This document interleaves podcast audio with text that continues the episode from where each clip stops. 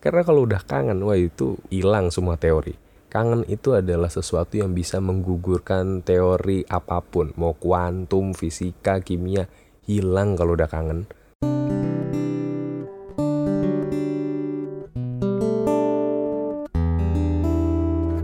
Hai, gue Wisnu Kumoro dan selamat datang kembali di Bedtime Story Podcast. Di Bedtime Story Podcast mungkin kalian tidak akan mendengarkan lelucon-lelucon lucu kayak apa yang biasa kalian dengarkan di podcast-podcast lainnya yang ada di trending chart atau mungkin informasi menarik atau mungkin cerita horor kayak beberapa podcast yang lagi naik daun saat ini. kalian gak akan dengerin hal yang kayak gitu di sini karena di Bedtime Story Podcast kalian akan mendengarkan cerita yang mungkin kurang mengenakan kurang menyamankan, tapi gue harap melegakan bagi yang mendengarkan. Karena di Bedtime Story Podcast kali ini, gue akan membahas mengenai selingkuh. Ya, kalau kalian baca judulnya, ini adalah tentang selingkuh. Dan sejujurnya gue agak deg-degan ya bikin podcast kali ini karena kayaknya akhirnya gue harus membuka tabir-tabir percintaan yang selama ini mungkin gak banyak orang tahu dan Sadly ini berakhir ya, sad. Dan sebelum lebih lanjut ngomongin tentang selingkuh, kayaknya kita perlu punya pemahaman yang sama tentang apa itu selingkuh. Karena tiap orang itu punya definisi yang berbeda-beda tentang apa itu selingkuh. Ada sebagian orang yang menganggap selingkuh itu adalah memiliki hubungan lebih dari satu. Entah dua atau mungkin 18 kalau mampu atau mungkin lebih lagi kayak 32 gitu luar biasa banget ya kayak sebulan satu beda-beda gitu dan sementara ada juga yang mendefinisikan selingkuh sebagai keadaan di mana seseorang memikirkan orang lain yang bukan pasangannya itu terhitung sebagai selingkuh. Kemudian ada sebagian orang yang lain beranggapan bahwa selingkuh itu ya harus fisikal.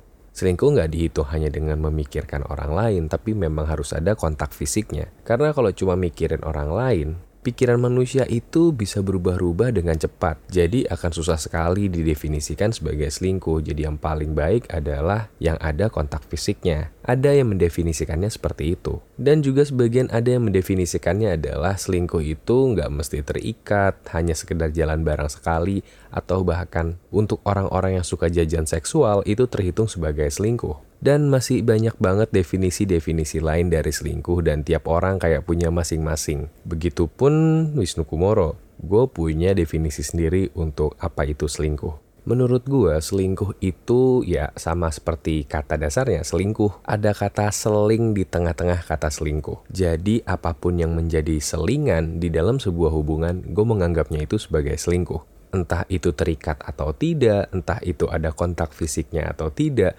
entah itu dipikirkan tiap hari atau tidak, entah apa pun motivasi yang mendasari hal itu, tapi kalau itu dilakukan, ya itu namanya selingkuh.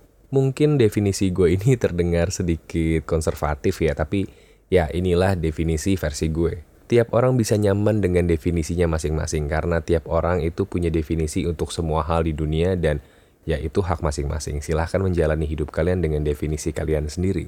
Tapi pada sampai satu titik gue yakin banget kalian akan setuju kalau selingkuh itu sebenarnya bisa dilihat dalam dua sisi. Kalau dalam istilah gue ada selingkuh aktif dan ada selingkuh pasif. Ada pelaku, ada korban.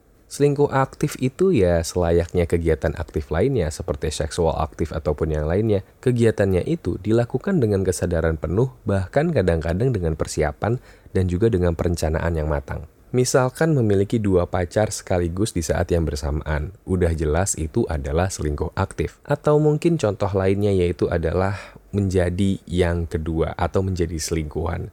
Ini sebenarnya agak tricky, bisa menjadi pasif dan juga bisa menjadi aktif bisa dianggap sebagai pelaku, tapi bisa juga dianggap sebagai korban. Yang membedakan adalah kalau ada penerimaan atau tidak, ada acceptance terhadap kondisi itu atau tidak. Jika dia menyadari kondisinya dan menerima dan bahkan menjalaninya, berarti dia sudah tergolong sebagai pelaku, meskipun dia adalah selingkuhannya. Tapi kalau dia tidak tahu dengan kondisi itu dan jelas dia tidak menerima kondisi itu, berarti dia adalah selingkuh pasif atau bisa dikategorikan sebagai korban.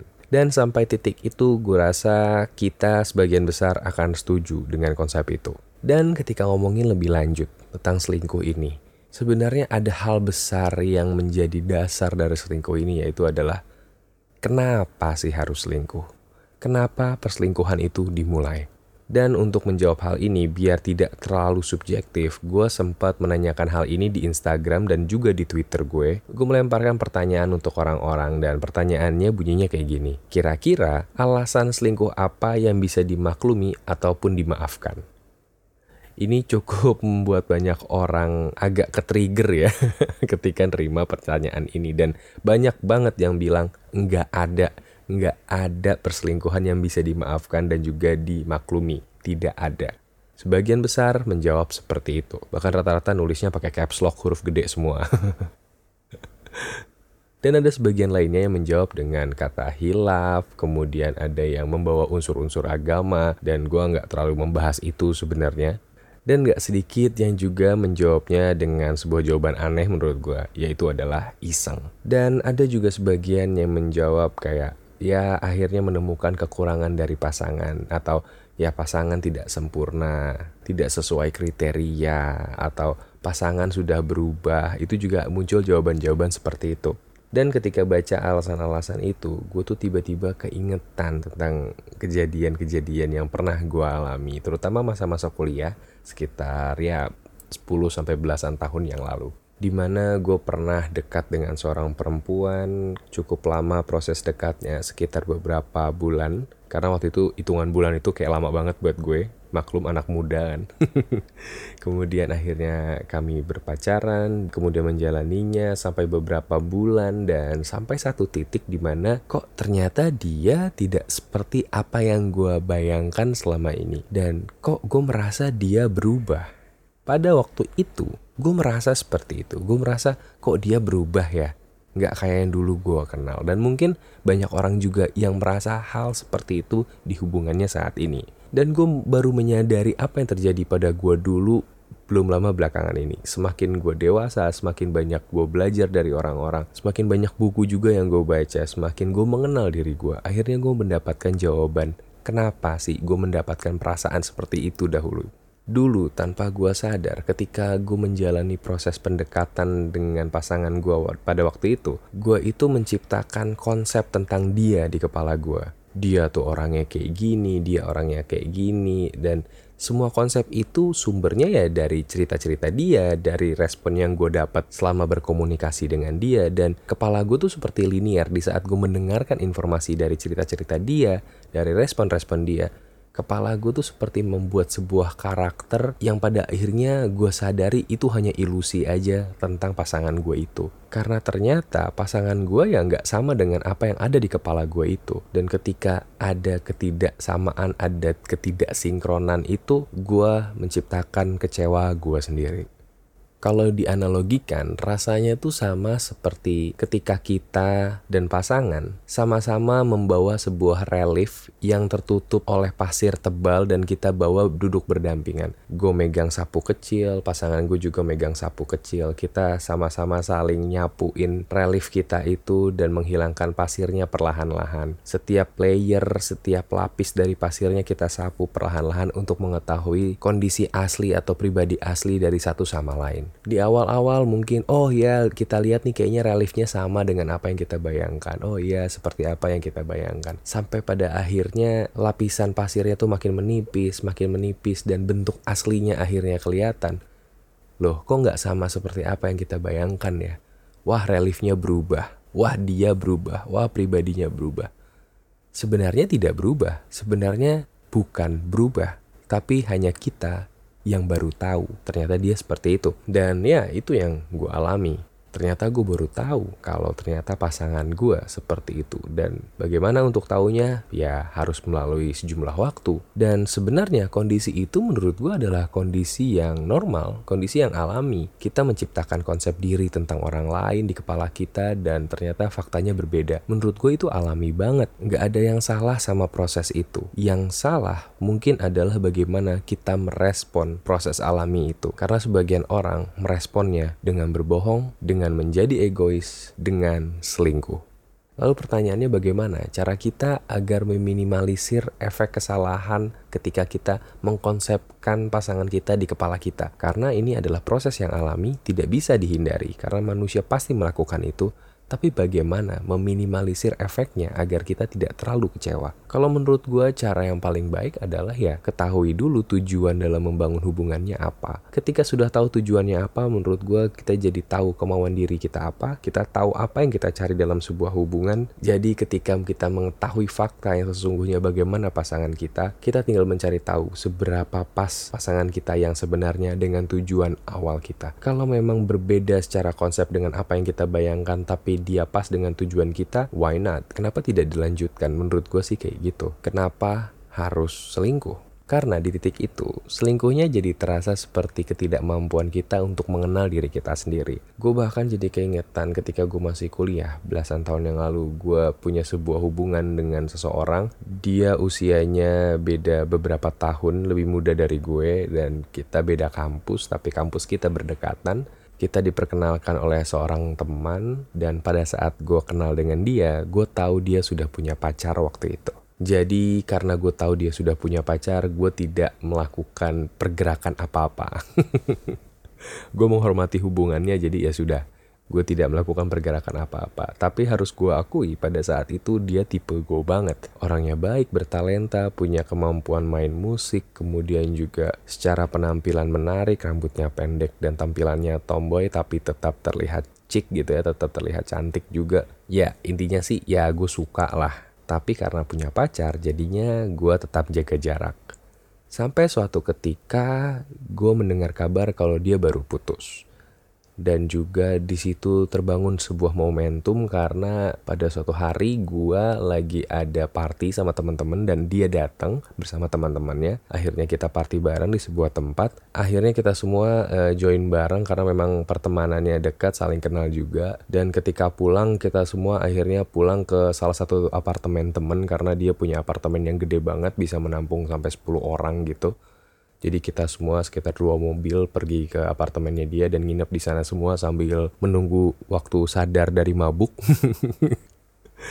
dan uniknya di antara sekitar 10 orang itu cuman gue dan si cewek yang gue taksir ini yang tidak mabuk.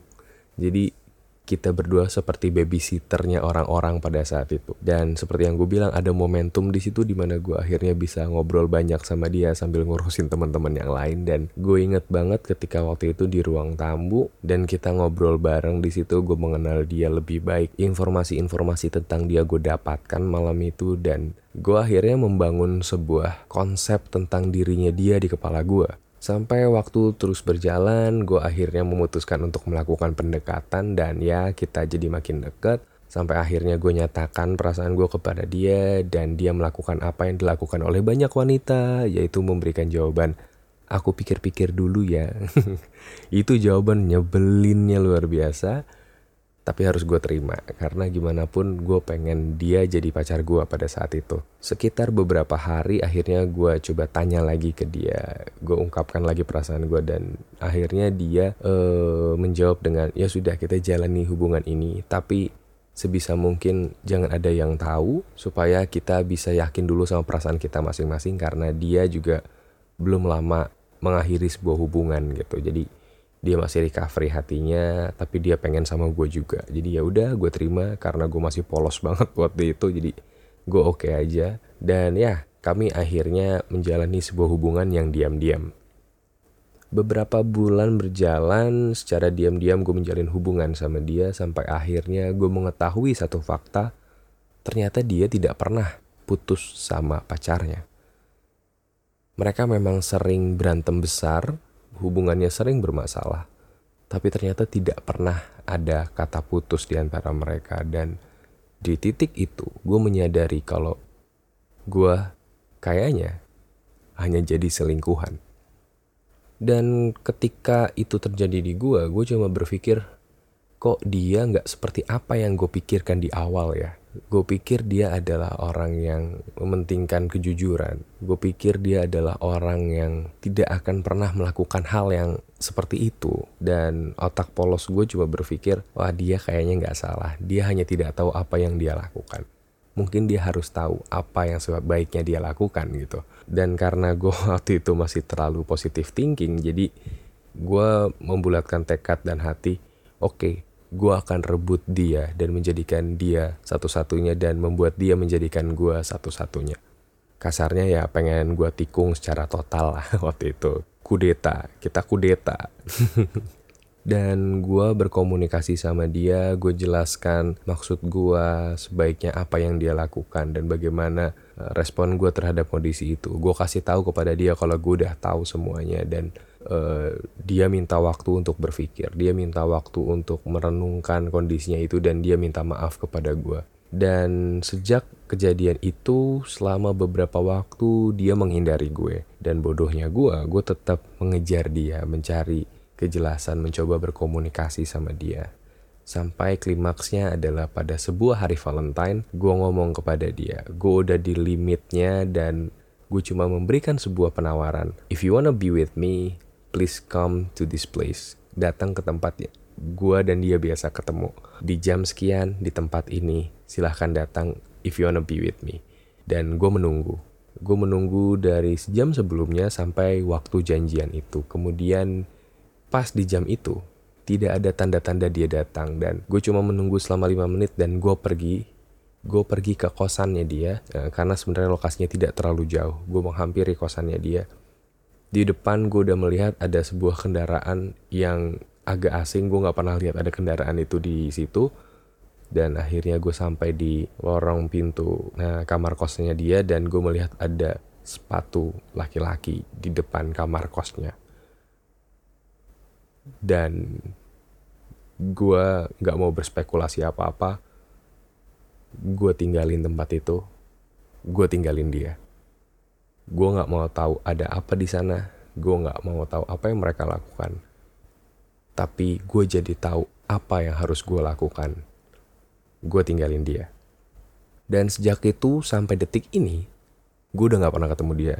Gue gak pernah komunikasi sama dia lagi. Tapi gue belajar banyak dari kejadian itu. Gue belajar bagaimana bodohnya orang yang mau menjadi selingkuhan, sedangkan orang yang selingkuh ini sebenarnya adalah orang yang tidak mengenal dirinya sendiri, tidak mengenal kemauan dirinya sendiri. Yang pada akhirnya, ya dia tidak tahu apa yang harus dipilih, mana yang lebih baik untuk dirinya dan lain-lain. Dan kalau ditanya apakah gue marah gue dijadikan selingkuhan? Uh, jelas iya pada waktu itu tapi marahnya itu pada akhirnya pun hilang. Karena marah yang gue rasakan waktu itu memang lebih besar unsur pubernya. Kenapa gue bilang gitu? Kita tuh harus mengakui di usia-usia tertentu, faktor biologis itu sangat berpengaruh. Pasti ada dalam satu fase di hidup manusia yang namanya puber itu. Di mana kita itu hormonnya tidak stabil, eh, kita susah banget untuk mengontrol marah, senang, dan lain-lain susah banget untuk dikontrol. Seakan-akan kalau ada godaan ya godain, kalau ada cobaan ya cobain gitu kan. Tapi semakin ke sini ya jelas hilang marahnya, hilang egonya, makin tahu apa tujuannya. Dan gue harap teman-teman yang mendengarkan ini juga sudah berada di fase itu. Kalau kalian masih ada di fase puber dan sedang merasakan gejolak yang luar biasa, tidak stabil di dalam pikiran dan hati, ya udah nikmatin aja, nikmati fasenya. Yang penting jangan membuat kesalahan yang bersifat permanen. Karena momen-momen itu memang tidak akan terulang lagi dalam hidup kalian. Mungkin, mungkin ada yang terulang atau masih bertahan sampai umur 40-an pubernya, ya nggak tahu juga. Tapi uh, normalnya, kebanyakan orang itu hanya sekali seumur hidup di rentang usia remaja seperti itu. Jadi nikmatilah baik-baik. Dan kalau ada orang yang hobinya selingkuh, apakah dia bisa berubah nantinya? Hmm, karena gue nggak hobi selingkuh, jadi gue nggak tahu jawaban pastinya. Tapi gue pernah berhubungan sama orang yang ternyata hobinya memang selingkuh. gue nggak tahu. Sebenarnya gue harus senang, bangga atau sedih ya untuk cerita ini, atau malah malu ya. gue pernah punya mantan, ini beneran mantan pacar yang hobinya selingkuh gitu. Awal gue pertama kali kenal sama dia, ya gue tertarik dengan pribadi dia yang sangat ceria, ceplas-ceplos dan Sebenarnya orangnya baik dan dia bisa mengambil hati orang lain dengan mudah. Punya kemampuan public speaking yang bagus kayaknya nih orang. Dan dia pintar sekali menutupi mengenai rahasia-rahasia hidupnya. Jadi sepanjang gue deket sama dia, gue nggak tahu kalau dia punya pacar. Sampai akhirnya ketahuan lah sama gue kalau dia masih punya pacar dan di saat ketahuan itu malah dia pengen gue tetap berhubungan sama dia. Dia minta gue jadi pacar keduanya dia dan jelas jawabannya enggak Dan ternyata dia cukup gigih sampai akhirnya dia mutusin cowok itu. Dan di saat itu mungkin karena gue terlalu bodoh kali ya terlalu naif gue akhirnya luluh juga sama dia dan kami berpacaran. Pacarannya pun gak lama hanya beberapa bulan tapi cukup intens karena gue sampai kenal ke keluarganya dan gue juga berusaha untuk memperkenalkan keluarga gue ke dia tapi ternyata respon keluarga gue agak dingin. Entah mungkin karena intuisi nyokap gue waktu itu pas ngelihat dia langsung gak suka gue nggak tahu kenapa. Pada akhirnya gue tahu kenapa nyokap gue nggak suka sama dia. Karena akhirnya gue putus sama dia setelah gue tahu dia selingkuh dengan orang lain. Dan akhirnya gue putusin kemudian lama nggak ketemu gue ketemu dia lagi. Ngakunya pas ketemu itu jomblo terus kami berkomunikasi lagi. Dia berusaha mendekati gue lagi dengan mengungkit-ungkit kisah lama. Cuma gue nggak sebodoh masa lalu ya. Jadinya gue mencari tahu tentang dia dan gue baru tahu waktu itu dia tuh masih punya pacar gitu. Jadi dia nggak berubah kayaknya. Masih punya pacar dan deketin gue cuman kali itu agak sedikit gue main-mainin tuh. Agak sedikit oh iya gue pura-pura bego aja. Dan ya sekarang akhirnya dia sudah menikah dengan orang lain dan semoga dia tidak selingkuh lagi kayaknya karena dia hobinya kayak gitu terus.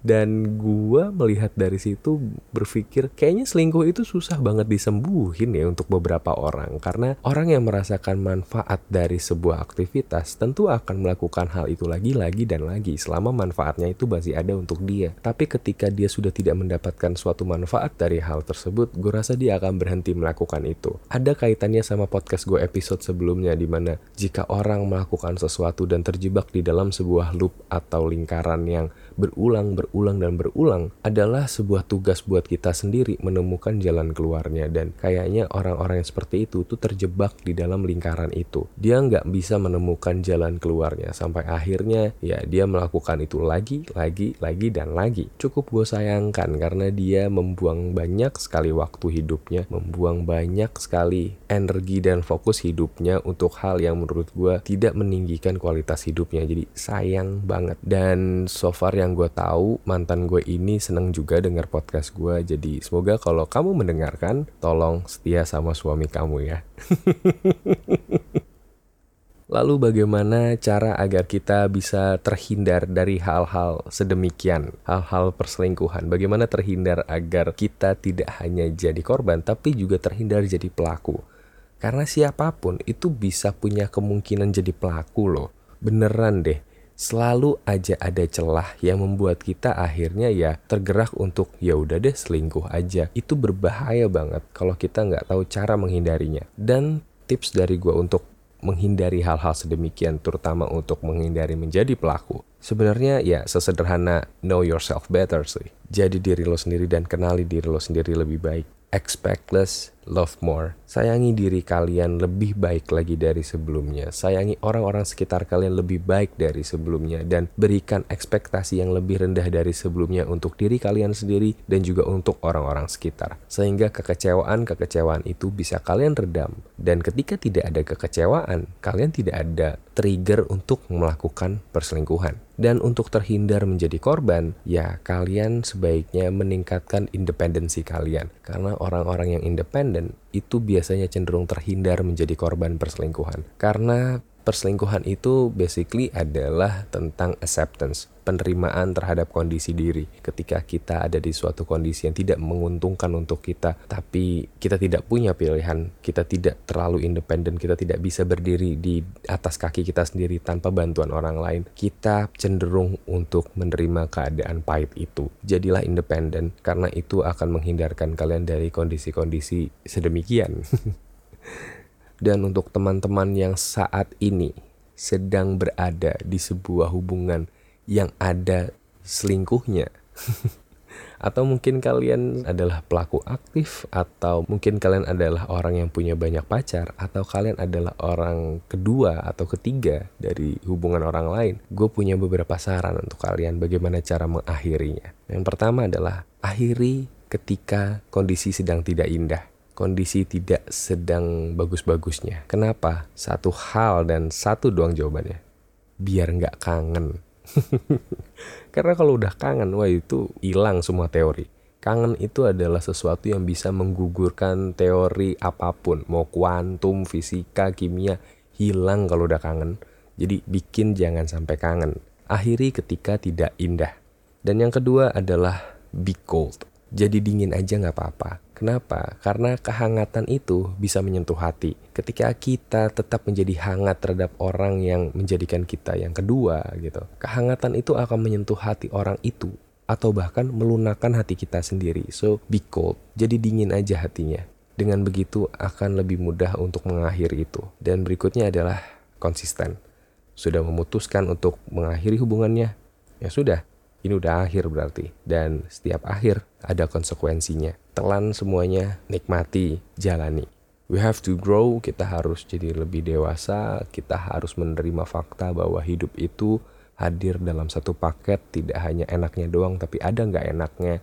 Jadi ketika kita mengakhiri sebuah hubungan yang salah. Memang sih setelah itu akan terasa lebih sepi, tapi gue yakin setelah sekian waktu akan terasa lebih lega karena kita juga harus ingat, love has many forms. Cinta itu nggak hanya seperti itu aja bentuknya, banyak bentuk lain dari cinta. Kalau kalian memang sayang sama dia, sayang sama orang yang kalian jadikan selingkuhan atau sayang sama selingkuhan kalian, biarkan dia pergi mencari hidupnya sendiri, mencari cintanya sendiri. Doakan percintaannya, doakan pernikahannya, bahkan kalau perlu doakan anaknya, cintai kebahagiaannya jangan egois hanya ingin menjadikan dia objek lo aja, tapi cintai dia sebagai manusia, cintai kebahagiaannya. Dan notes terakhir gue tentang perselingkuhan ini adalah perselingkuhan tuh bahaya banget. It's very dangerous game. Lu bisa mengakhiri pernikahan, persahabatan, keluarga, bahkan mengakhiri nyawa orang hanya karena perselingkuhan. It's very very dangerous game. Just make it over. Game over. Hentikan. Dan ya paling cuma itu yang bisa gue sampaikan di episode bedtime story kali ini. Mungkin nuansanya terdengar berbeda karena ya memang beda. gue agak nervous sebenarnya ngerekam bedtime story kali ini karena topiknya ini membuat gue banyak sekali flashback ke hal-hal yang gue nggak mau ingat lagi karena ya perselingkuhan itu bukan hal yang enak buat dibahas sebenarnya selingkuh itu bukan bercandaan, selingkuh itu bukan hanya sekedar omong kosong dan topik obrolan sesama teman, bukan. Selingkuh itu perlambang kebohongan, selingkuh itu perlambang kepura-puraan, selingkuh itu adalah tujuan yang salah. Jadi buat gue, it's very dangerous game and it's serious thing. So ya, yeah, ini membuat gue nervous banget ketika ngerekam ini. Semoga kalian tetap bisa menikmati podcast kali ini meskipun tonnya mungkin sedikit berbeda dengan episode-episode sebelumnya. Kalau kalian lebih menyukai ton dari episode sebelumnya, ya silahkan didengarkan lagi episode-episode sebelumnya karena gue punya 8 episode sebelum ini. Ini adalah episode ke-9. Dan FYI buat kalian yang belum tahu, Bedtime Story Podcast season 1 itu akan berakhir di episode ke-10 episode ke-10 akan menjadi penutup dari season 1. Jadi tunggu untuk episode ke-10-nya. Dan kalau kalian belum dengerin episode sebelumnya, silahkan dengerin dulu episode-episode sebelumnya. Kalau kalian ada kritik, saran, atau masukan apa pun, atau respon terhadap podcast ini, silahkan kirimkan melalui Instagram gue atau Twitter gue di @wisnukumoro. Itu sama dua-duanya, silahkan dicari aja dan nggak perlu kepo nyariin uh, mantan gue siapa aja yang gue bahas di podcast kali ini ya. Biarkan mereka bahagia dengan hidupnya. Cukup didoakan saja dan ya sekian podcast kali ini. Semoga kalian nyaman mendengarkannya. Sehat terus bahagia terus dan sampai jumpa di podcast berikutnya. Dadah